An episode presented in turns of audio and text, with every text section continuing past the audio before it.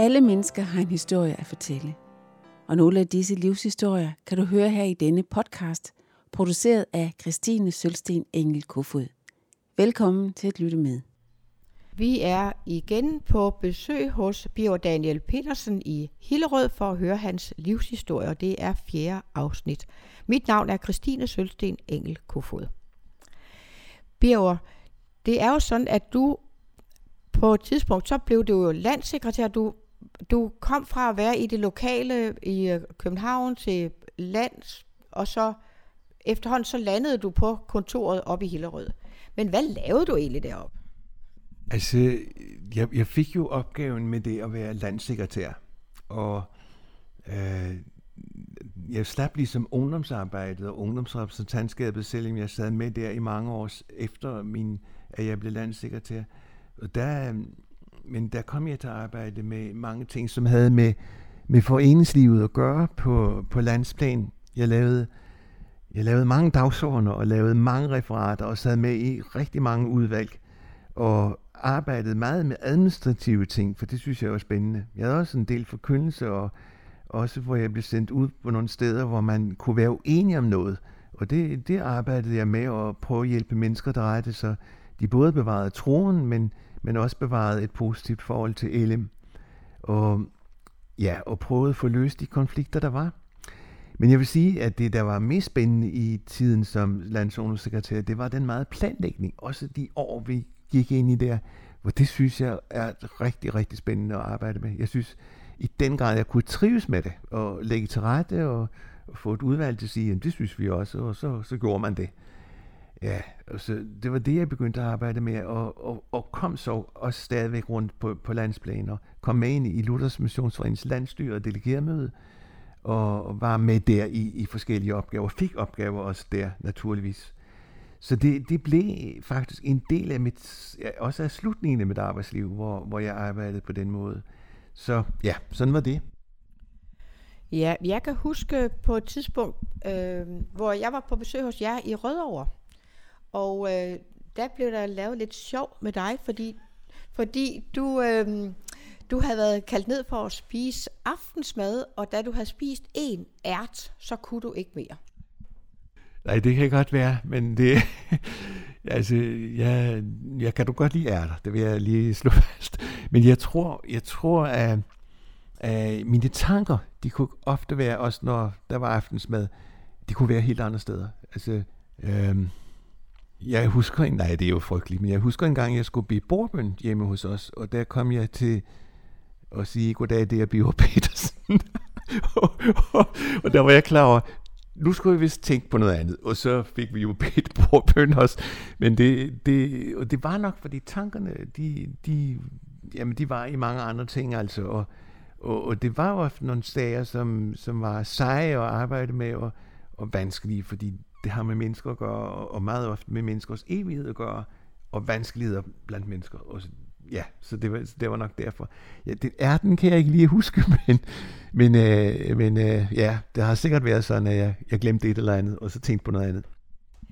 Det var faktisk sådan, at, øh, at du gik op og lagde dig igen, og så dagen efter var du gul. Ja, det er rigtigt. Det er rigtigt. Jeg, jeg, der var, der var, jeg fik simpelthen, øh, jeg ved hedder sådan noget, Ja, hepatitis. Øh, leverbetændelse, ja, det var det, jeg fik. Ja, det er jo rigtigt. Uh, det havde jeg faktisk helt glemt, nu du siger det. Men det, det skyldes jo, at vi har været på ferie i Frankrig, og der havde jeg så drukket noget vand, jeg ikke skulle drikke, eller spist noget salat, jeg ikke skulle spise. Og jeg har fået fortalt, at når vi så kommer hjem, så kom jeg i gang med det arbejde, jeg skulle. Og det var faktisk et, et altså jeg, jeg kom, vi kom hjem sidst på en uge, og så var jeg til landstyremøde fredag og lørdag, og søndag sad jeg faktisk forberedt mig hele dagen, og mandag rejste jeg på tilmission.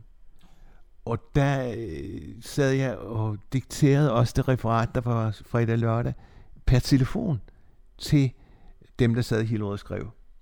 Og på det tidspunkt, i den løbet den uge, der fik jeg det, fik jeg det som jeg havde influenza. Jeg ignorerede det, fordi vi var kun to mand i teltmissioner. Der var nok at gøre, og, men jeg blev godt nok syg. Og det tog faktisk et års tid, før jeg helt kom over det. Men det var, det var mærkeligt at opleve, altså, hvor kræfterne fuldstændig forsvandt. Jeg husker, jeg skulle prøve, jeg troede ikke rigtig på det alligevel, så jeg gik hen og hentede bilen i carporten, og så skulle jeg lige prøve at løbe et par skridt, det var jeg ved at vælte, altså falde. Jeg husker en anden ting, at jeg, jeg var sygemeldt, jeg, jeg sad og læste, og jeg faldt i søvn jo, og når jeg vågnede om morgenen, så øh, mine arme, de var simpelthen så, som jeg havde klippet hæk hele natten. Men det havde jeg jo ikke. Det var, det var mærkeligt med den træthed. Men det, det fortog sig, og jeg kom jo igennem det også. Altså. Men det havde jeg faktisk ikke glemt, det med ærten også.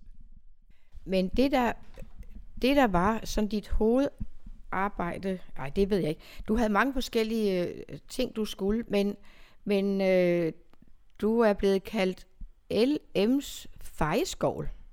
Hvorfor det? Ja, det, det var jo i al gemytlighed, at der var en, min chef, det var Jens Ole Christensen, som generalsekretær, der kaldte mig det. Og det, det hænger nok lidt sammen med, at jeg ofte blev sendt afsted på nogle opgaver, der skulle faktisk noget op, der var røget på gulvet. Og øh, ja, og, og så måtte jeg prøve at tage mig af det. Der er mange ting, når der er mennesker, og jeg vil sige, at der, der var også mange ting, som gjorde, at det kan man ikke bare sende til en bestyrelse eller sende videre, fordi det, det, det er jo nogle, ofte nogle dybt personlige ting. Og faktisk har jeg i mange samtaler med mennesker, også med nogle modstandere, truffet en afgørelse, og så har jeg sagt, sådan bliver det, og du må gøre sådan og sådan, og du skal holde op med det og det. Og hvis I er utilfredse med det, jeg nu skriver, og vi har besluttet, så må I bare klage til landstyrelsen eller til generalsekretæren. Og så vil jeg fortælle dem den version af historien, jeg har fortalt her, og så må vi se, hvad der sker. Men I skal være klar over, at det er min mening helt klart. Og det har jeg måttet gøre i rigtig, rigtig mange tilfælde. Og jeg tror faktisk, der er mange, der er blevet hjulpet i det, men jeg tror også, der er blevet mange, der er blevet vrede i det. Det tror jeg på. Men det må man leve med. Hvis man går ind i konflikter, så, som Jens Ole engang sagde til mig, Jens Ole Christensen, han sagde, når man slås med en skorstensfejr, så får man sorte hænder. det er altså, når man er ude i problemer, så, ja, så får man sorte hænder altså. Det, det må, sådan er det bare. Men øh, det gik vel noget ind på dig, nogle af konflikterne i hvert fald. Ja, det, det vil jeg gerne sige. Altså, jeg, øh, altså, jeg, jeg vil sige, det, det begyndte jo egentlig meget i den tid, hvor vi boede i København. Og der begyndte det med, at at der var mennesker, mange mennesker, der havde ægteskabsproblemer.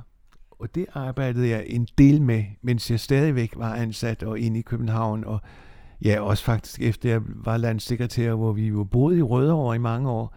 Og der jeg var t- sådan på en eller anden måde tilknyttet afdelingen, selvom jeg ikke var havde nogle opgaver i min arbejdsbeskrivelse der. Men i København, der, der oplevede jeg jo, jeg oplevede nogle grimme ting omkring ægteskaberne, også hvor jeg måtte ind og ja, også sige nogle der ting til mennesker, og prøve at forlige dem. Og det, jeg vil sige, der var jo nogle gange Gud lå det lykkes, altså hvor der blev reddet ægteskabet. Det er jo så godt at tænke på bagefter. Der var også andre gange, hvor det bare ikke kunne lade sig gøre, fordi tingene var smadret så meget i forvejen, så det, det gik bare ikke mere. Men jeg husker blandt andet, og det var ude på Kirkegårdsvej, at vi oplevede et år, hvor der var nogle ægtepar, flere ægtepar, unge ægtepar, der, der blev skilt. Og jeg husker specielt, en, hvor jeg var ude og prædike på Kirkegårdsvej, og der kommer en hen til mig, der var lidt ældre end dem, der var blevet skilt. Og hun står og græder og siger, hvad gør vi med de ægteskaber, der går i tu?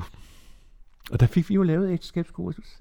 Og det synes jeg, det, det var faktisk meget, meget spændende. Også fordi det gjorde så, at man et eller andet sted i mit eget sind fik jeg systematiseret mange af de ting, som kunne være konflikter i et ægteskab. Og jeg, jeg synes, at jeg, jeg tror, det blev til velsignelse for nogen.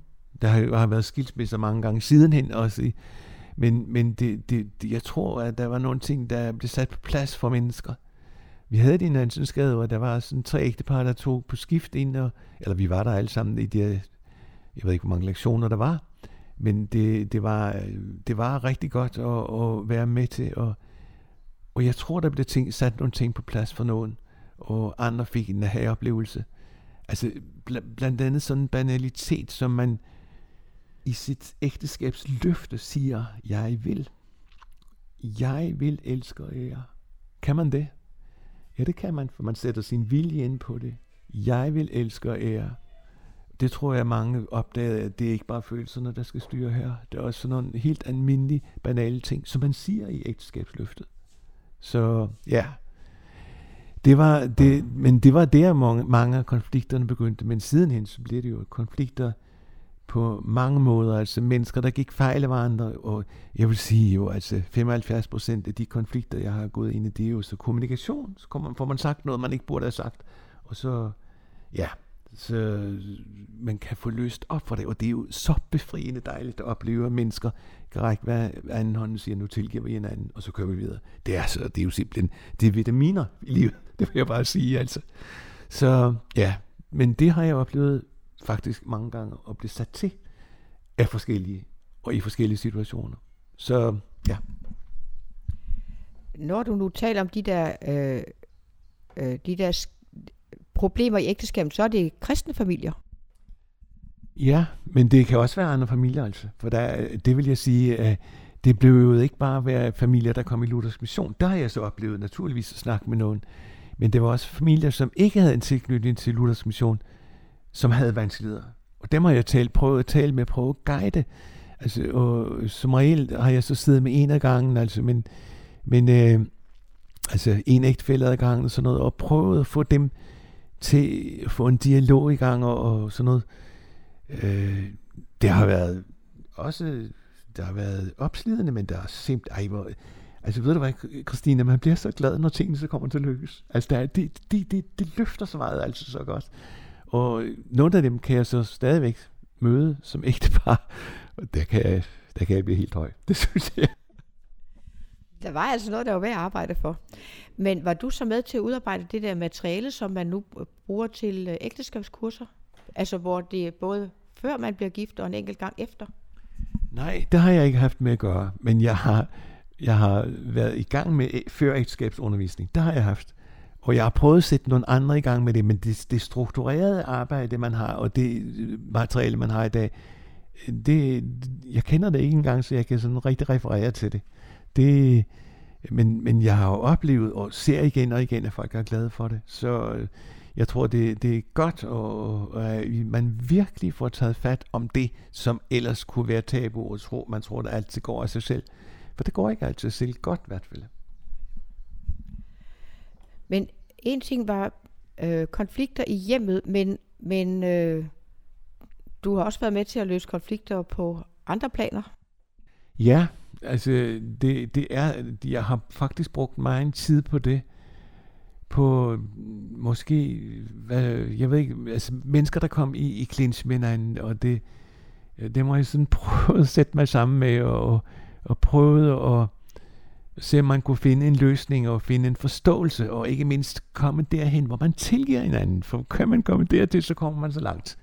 Og det synes jeg, jeg har gjort. Øh, jeg har haft mange opgaver med os, også, også konflikter, hvor nogen bliver vrede på hinanden, for der bliver sagt noget, der ikke skulle være sagt, eller man fik misforstået det. Var, og det kan jo sådan være en, en, en konflikt, som i Luthers mission mellem en prædikant og en kredsstyrelse, eller en kredsformand, og og det, og det kunne være internt i en bestyrelse, hvor man simpelthen øh, var vrede på hinanden. Og det er svært at være vrede på hinanden, så få noget godt ud af bestyrelsesarbejde. Der må man prøve at få løsnet op for det, og, og, og det, det er klart, at det, de konflikter, dem, dem, dem løber man på, fordi man er, vi er mennesker, og vi er syndere, og derfor så, ja, det er jo det er der så utroligt godt, vi lever i syndsforladelsens rige, og det skal man hjælpe andre hen i, og den virkelighed, at man også kan få sagt undskyld og, og tilgive mig, og, og, og så glemme.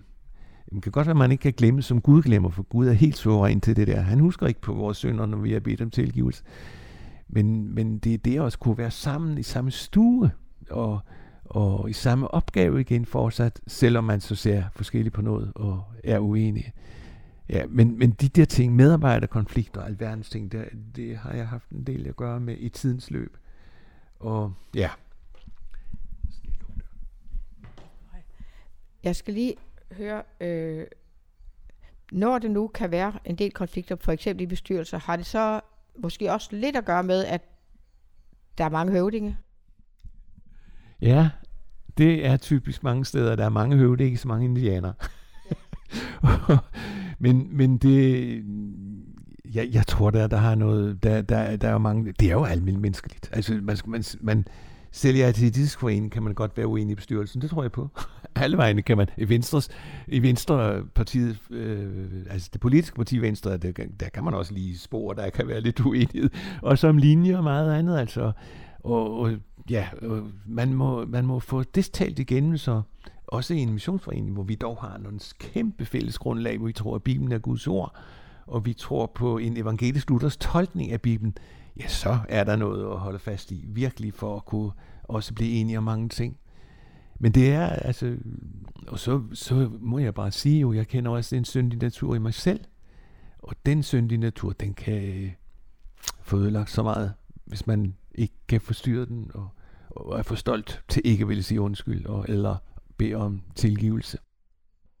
Men der tænker jeg tit på, at, at der har vi jo Bibelen som en, en meget realistisk bog, fordi den, den fejrer jo ikke sådan ting ind under gulvtæppet. Altså er der konflikter i familien, så er det, ja det er jo helt fra Kain og Abel, og så er der hele øh, Jakobs familie, hvor, hvor nogle børn bliver foretrukket, og, og nogen gør ikke, og nogle af ægte fælderne bliver foretrukket. Nu havde han flere damer.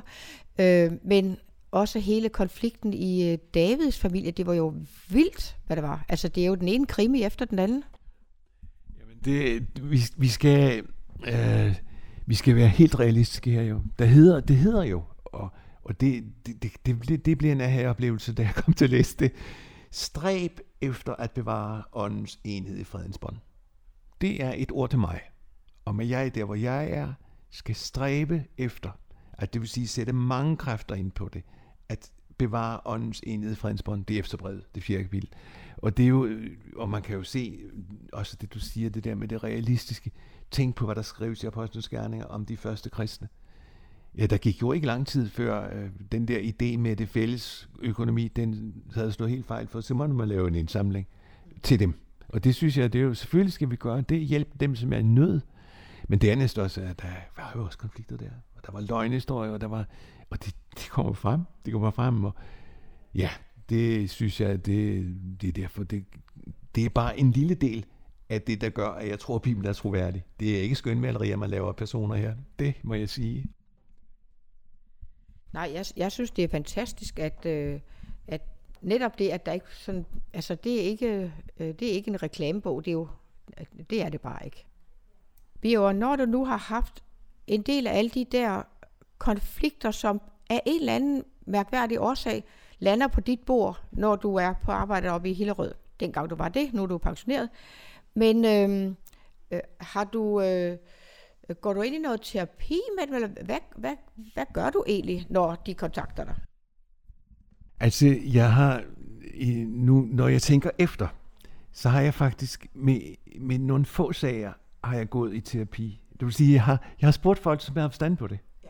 og bedt om et råd. Og jeg har haft nogle, nogle gode folk til det. Altså blandt andet en ven, Hans Koffer Nielsen. Mig, det, var, det var en ægteskabssag, og jeg kunne simpelthen ikke, jeg kunne ikke finde en løsning.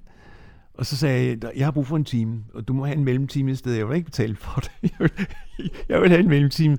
Og der sad jeg og talte i 50 minutter. Fortalte, hvad jeg oplevede, hvad jeg sad med.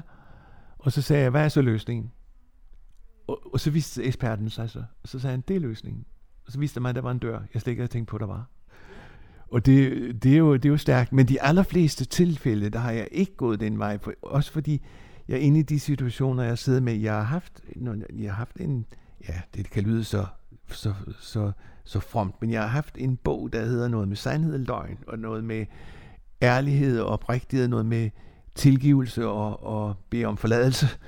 Og de der ting, øh, og det har haft større betydning for mig, end, end at, og, og ligesom at lave terapi. Og det er der, jeg gerne vil have ført mennesker hen, så man får gjort op, så man får tilgivet hinanden, og så kommer vi videre. Man kommer måske ikke på ferie sammen, men man kan lære at leve sammen. Og det er det, der handler om for mange rundt omkring, når man sidder i en kredsstyrelse og, og være stjerneuenig, og nogen synes, og andre synes, og alt det der. Eller hvad det nu kan være af konflikter. Så Men, men øh, som sagt har jeg altså i en tilfælde, et tilfælde der, der har jeg henvendt mig, og, eller det er måske også flere, det kan jeg ikke sådan lige komme i tanke om.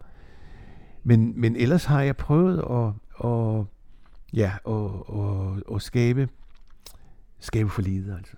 Og, og, og jeg vil også sige jo, at at mange af de sager, for man kunne så sige, at jeg kunne bare, jeg kunne bare lade dem køre videre til den bestyrelse, jeg nu sad sammen med i landstyrelsen, eller i, øh, til en afdelingsstyrelse, en kredsstyrelse, og så lade dem ordne det.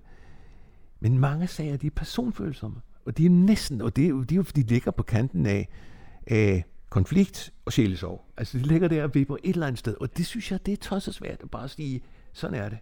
Altså, i, i, øh, når jeg også går ind for at prøve at give en løsning på det. Og det, det har så ført til, at jeg som tider bare har sagt, sådan skal det være, og sådan bliver det. Og hvis du er uenig, så må du henvende sig til min chef, og, og jeg er parat til at, men jeg vil sige det, jeg har sagt her og nu, og så er der faktisk ikke nogen, der har henvendt sig, så vidt jeg ved. For jeg har aldrig hørt noget til mange af de sager, altså. Når du bliver præsenteret for sådan en, øh, en konflikt, hvordan reagerer du selv på det? Ja, altså, jeg ærger mig jo for jeg synes, der er så meget krudt, man bruger på det. Men jeg kan, altså alt efter konfliktens karakter, men jeg kan, jeg kan blive meget, meget vred. Øh, så råber du op? Nej, nej, nej, det gør jeg så ikke lige. Men jeg, for jeg tror godt, jeg kan styre også det, jeg bliver meget vred. Øh, det er ikke så ofte, det eksploderer. Men, men øh, jeg bliver meget målrettet i det, altså, for jeg, det kan simpelthen ikke være rigtigt, at synden og syndens følger skal ødelægge så meget for mennesker. Og, og mennesker kan i den grad komme i klemme, og man kan smadre menneskers liv. Det kan ikke være rigtigt. Vi må sætte en stopper for det, eller vi må prøve at hjælpe de mennesker. Eller, det, det er sådan nogle tanker, der kommer i mit sind. Og, og jeg tænker ikke mindst på for Guds rige skyld. Altså, åh, hvor er der dog meget ødelagt på grund af mennesker, der kom galt af sted og fik, øh, fik sagt noget, gjort noget, man ikke skulle have gjort. Og det, det er jo ikke tålet ud. Tænk, om det går ud over menneskers evighed også, altså. Det er sådan nogle ting, jeg tænker. Altså, Birger, når du har fået sådan en sag præsenteret på dit bord, så har du været sådan meget løsningsorienteret. Men har der været nogen, noget, der ligesom har gået lidt mere ind på dig, som som godt kunne knække dig lidt? Ja, det har der faktisk været. Og fordi når man, når man går ind i konfliktsituationer og går ind i vanskelige ting med mennesker, så møder man også virkelig, virkelig ulykkelige mennesker. Og det kan godt gøre et voldsomt indtryk på mig. Altså i den forstand af, jamen, jeg skulle være en sten, hvis jeg ikke blev berørt af det, altså simpelthen. Og det er jeg ikke lige øh, sådan skruet sammen. Så nogle gange har jeg der har været nogle nætter, hvor jeg sover meget lidt. Det kan jeg godt sige. Men, men som regel har det jo så gået med at, at komme hen og finde en løsning på problemet, for det vil jeg gerne. Men der er andre gange også, hvor der har simpelthen taget fuldstændig over det. Jeg havde en depression på et tidspunkt, hvor, hvor der var nogle ting, og det tog simpelthen over og, og tog al min glæde og, og al min frimodighed. Ikke i forhold til Gud, for han, det var ikke ham, der forandrede sig. Det var mig. Og, og det var jeg klar over, det var nogle af de der ting, som, som triggede mig i den grad, så jeg ligesom ikke kunne komme fri af det. Så var der nogen, det var faktisk Birgit, der hjalp mig til at forstå, hvor jeg var henne. Og så gik jeg til læge og fik en sygemelding og, og kom ud af det, og jeg fik bare noget medicin. Han mente også, der havde noget at gøre med min alder og, og så videre. Det, det tror jeg også gerne på. men, men altså, sådan er det. Men jeg, jeg er kommet godt igennem det, og jeg har ikke synes, mærket noget til det siden, så jeg kan ikke samtidig løbe ind i stedet. Ja, det gjorde jeg faktisk her i foråret en gang, hvor det, ej, det var nogle ting, der var så dumme, at jeg ikke øh, kunne gøre noget ved. Øh, og der, der, der kunne jeg godt mærke, at det var, det var rigtig dumt og grimt. Men det er jeg ligesom kommet over igen. Jeg tror også, Gud giver mig lidt kræfter til det. Og så, sådan er det. Men den læge, du henvendte sig til, var han ekspert i det her? Nej, men han var dygtig. Han var en menneskekender.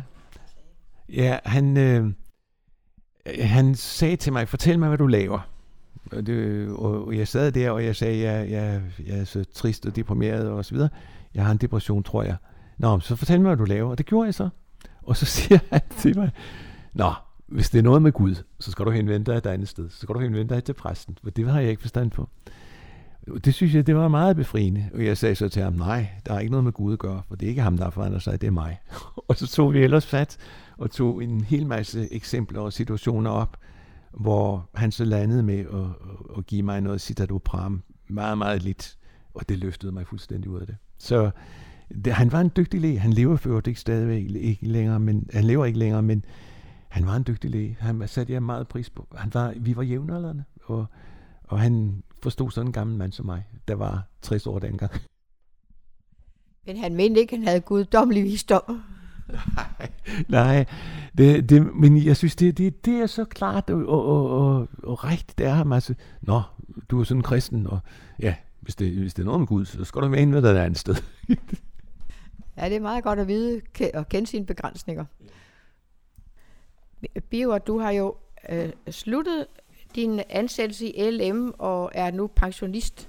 Men kan du sige noget om, hvad der har været din glæde i arbejdet? Ja, altså den store glæde i arbejdet, det er jo at opleve, når et menneske kommer til tro. Det er jo simpelthen i den grad, altså, hvor, hvor, hvor det, kan, det kan løfte en, altså, og man, man på en eller anden måde, hvor Gud bag ens ryg som tid arbejder, og så man siger, jamen hvad er det der lige, der sker? Og så er der nogen, der er kommet til tro på Jesus. Det er simpelthen, noget, det er det bedste, der kan ske i, i det arbejde, jeg har haft. Og det, sådan er det jo stadigvæk som for pensionisten også, altså, det vil jeg bare sige. Og jeg husker helt tilbage fra min ungdomssekretærtid til begyndelsen, hvor jeg rejste på lejre.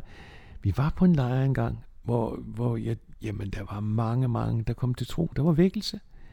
Det er, det, jeg tænker tilbage på det med så stor glæde og så stor taknemmelighed til Gud. Og så møder jeg nogle af de der folk. Jeg mødte en her for ikke så længe siden, og han var en af dem. Og det er, det er sådan et liv, der er kommet til live med Jesus. Der har han måske også gjort, det ved jeg jo ikke, men, men der, der kommer han til tro, og, og ja, det, det har været rigtig, rigtig godt at tænke tilbage på. Og det, det er stadigvæk, altså når man kan tænke, at man kan hjælpe et menneske til det bedste af alt, og det er tro på Jesus. Tror du, det er blevet sværere for mennesker i dag øh, at komme til tro, end det har været før? Nej, jeg, jeg tror, at viden omkring Gud, den er mindre. Det tror jeg på. Men jeg vil også godt sige, at Gud Helligånd er den samme. Og det er ham, der klarer det der. Og vi, jeg, jeg, jeg tror, vi kan sådan komme til at tænke, at mennesker er mere værtslige, end de har været engang. Det er jeg ikke helt sikker på. Altså, de, det er nogle andre ting, der optager mennesker. Men i sidste ende, hvis Gud og Helligånden tager fat, jamen så tror jeg også, at mennesker i dag, som lever et værste liv, de kan komme til tro. Og det beder vi om. Det beder vi om vores naboer her, at de er nogle dejlige mennesker. Ja, at de simpelthen må komme til tro på Jesus. Øh, det, så må han styre med det. Så kunne jeg godt lige tænke mig at spørge, fordi nu er børnene jo voksne, og I har fået svigerbørn og børnebørn og oldebørn. Hvor, hvor stor er jeres familie blevet?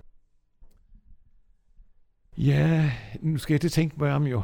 altså, jeg har ikke lige tallet, men vi har jo to børn selv, og, og vi har syv børnebørn, og en del af dem er gift, og vi har tre oldebørn.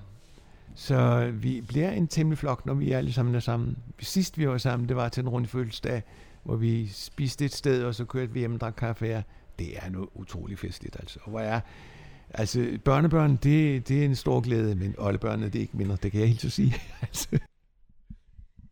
Nej, det er jo fantastisk. Men så skal jeg lige høre, fordi I har jo også haft sådan en lidt, jeg ved ikke, om man kan kalde det svær tid, men, men Birgit, din hustru, hun er jo ikke rask.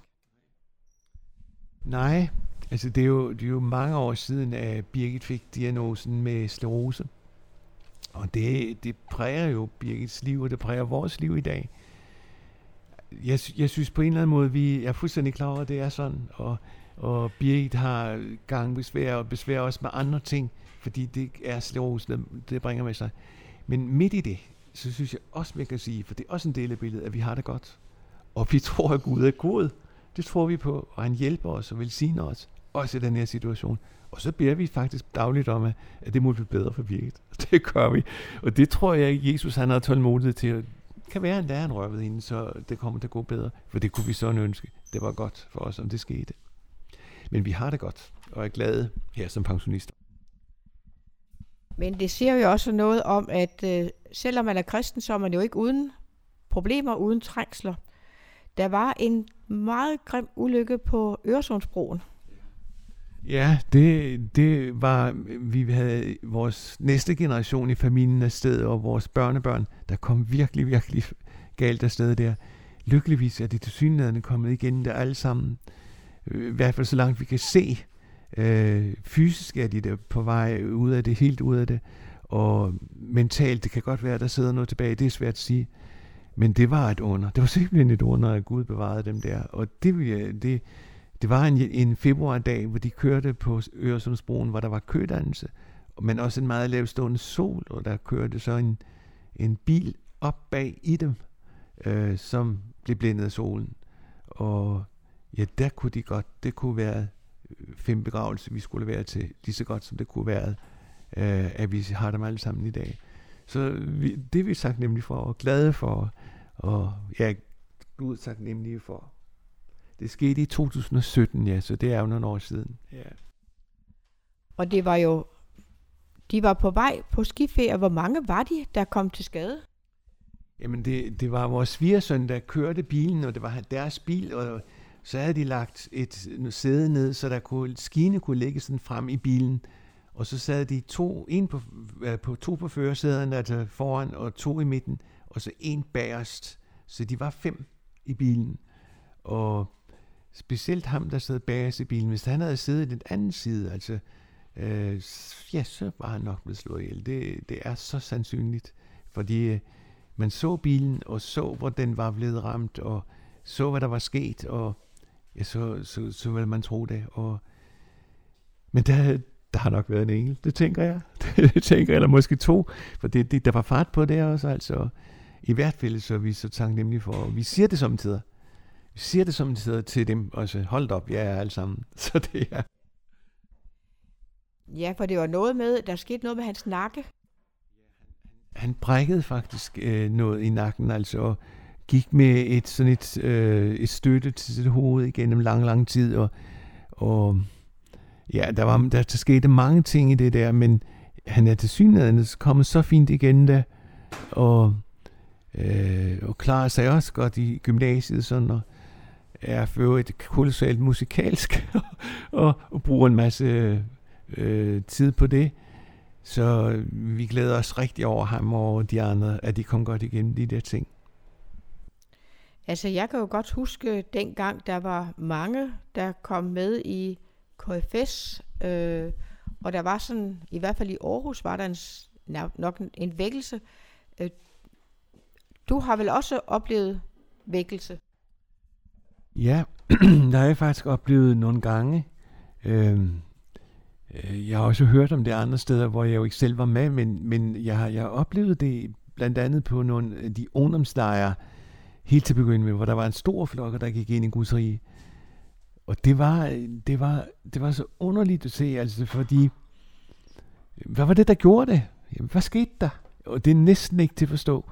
Men det skete næsten også lidt bag ryggen på en, altså fordi, jamen, jeg tror Gud brugte nogle smugler, og så, jeg så spurgte mennesker, hvordan kommer jeg til tro? Og så fik de et svar, og, og de kom til tro. og det, og det, det, det synes jeg, det har Altså, der har været noget af det, som jeg kan tænke tilbage på en lang, lang tjeneste i missionen. At det har været godt. Jeg har også oplevet det, så, så sidder der et menneske. Ja, altså pigen, der sidder til et børnemøde et sted, hvor der ingen børnekreds var. Og så fortæller vi om, hvad Jesus har gjort, og den der tror på ham bliver frelst. Og så siger pigen der, jeg tror på Jesus. og jeg tænker, hvad siger du? lige?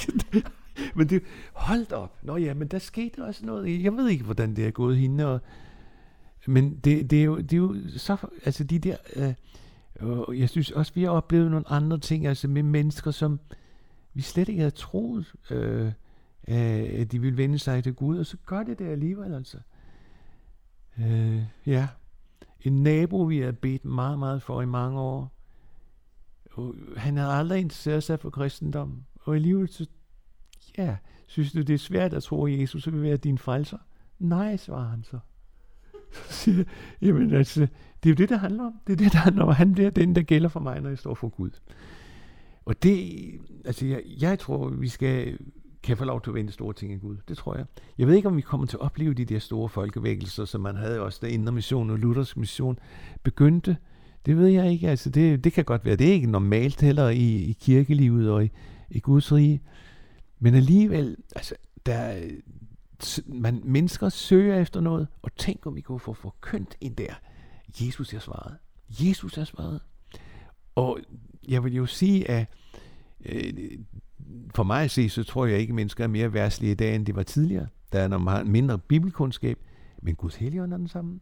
Og han kan gøre det, som mennesker søger Gud. Så, så vi beder om, at nogen må komme til tro. Det gør vi.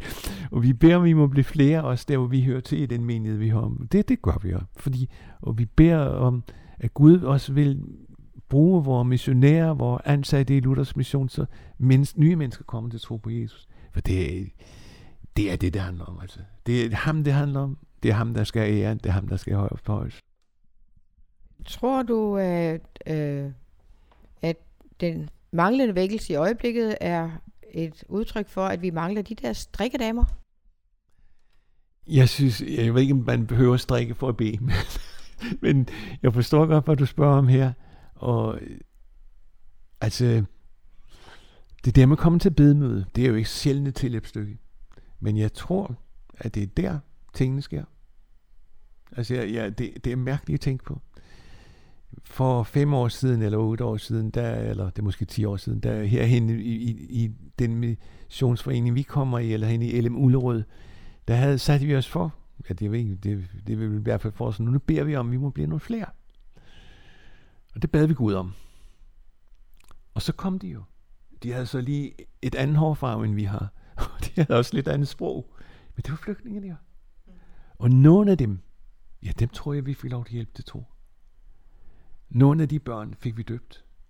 Og det er jo en... Altså, jeg, jeg, jeg tænkte på, altså, det er jo, det er jo hold da op, mand. Det er, det er, jo, det er jo kirkehistorie, det. Altså, men det, vi tænker ikke så meget på det, og nu er de, er de så sendt til andre steder i landet. Men, men Gud gjorde noget der, også igen.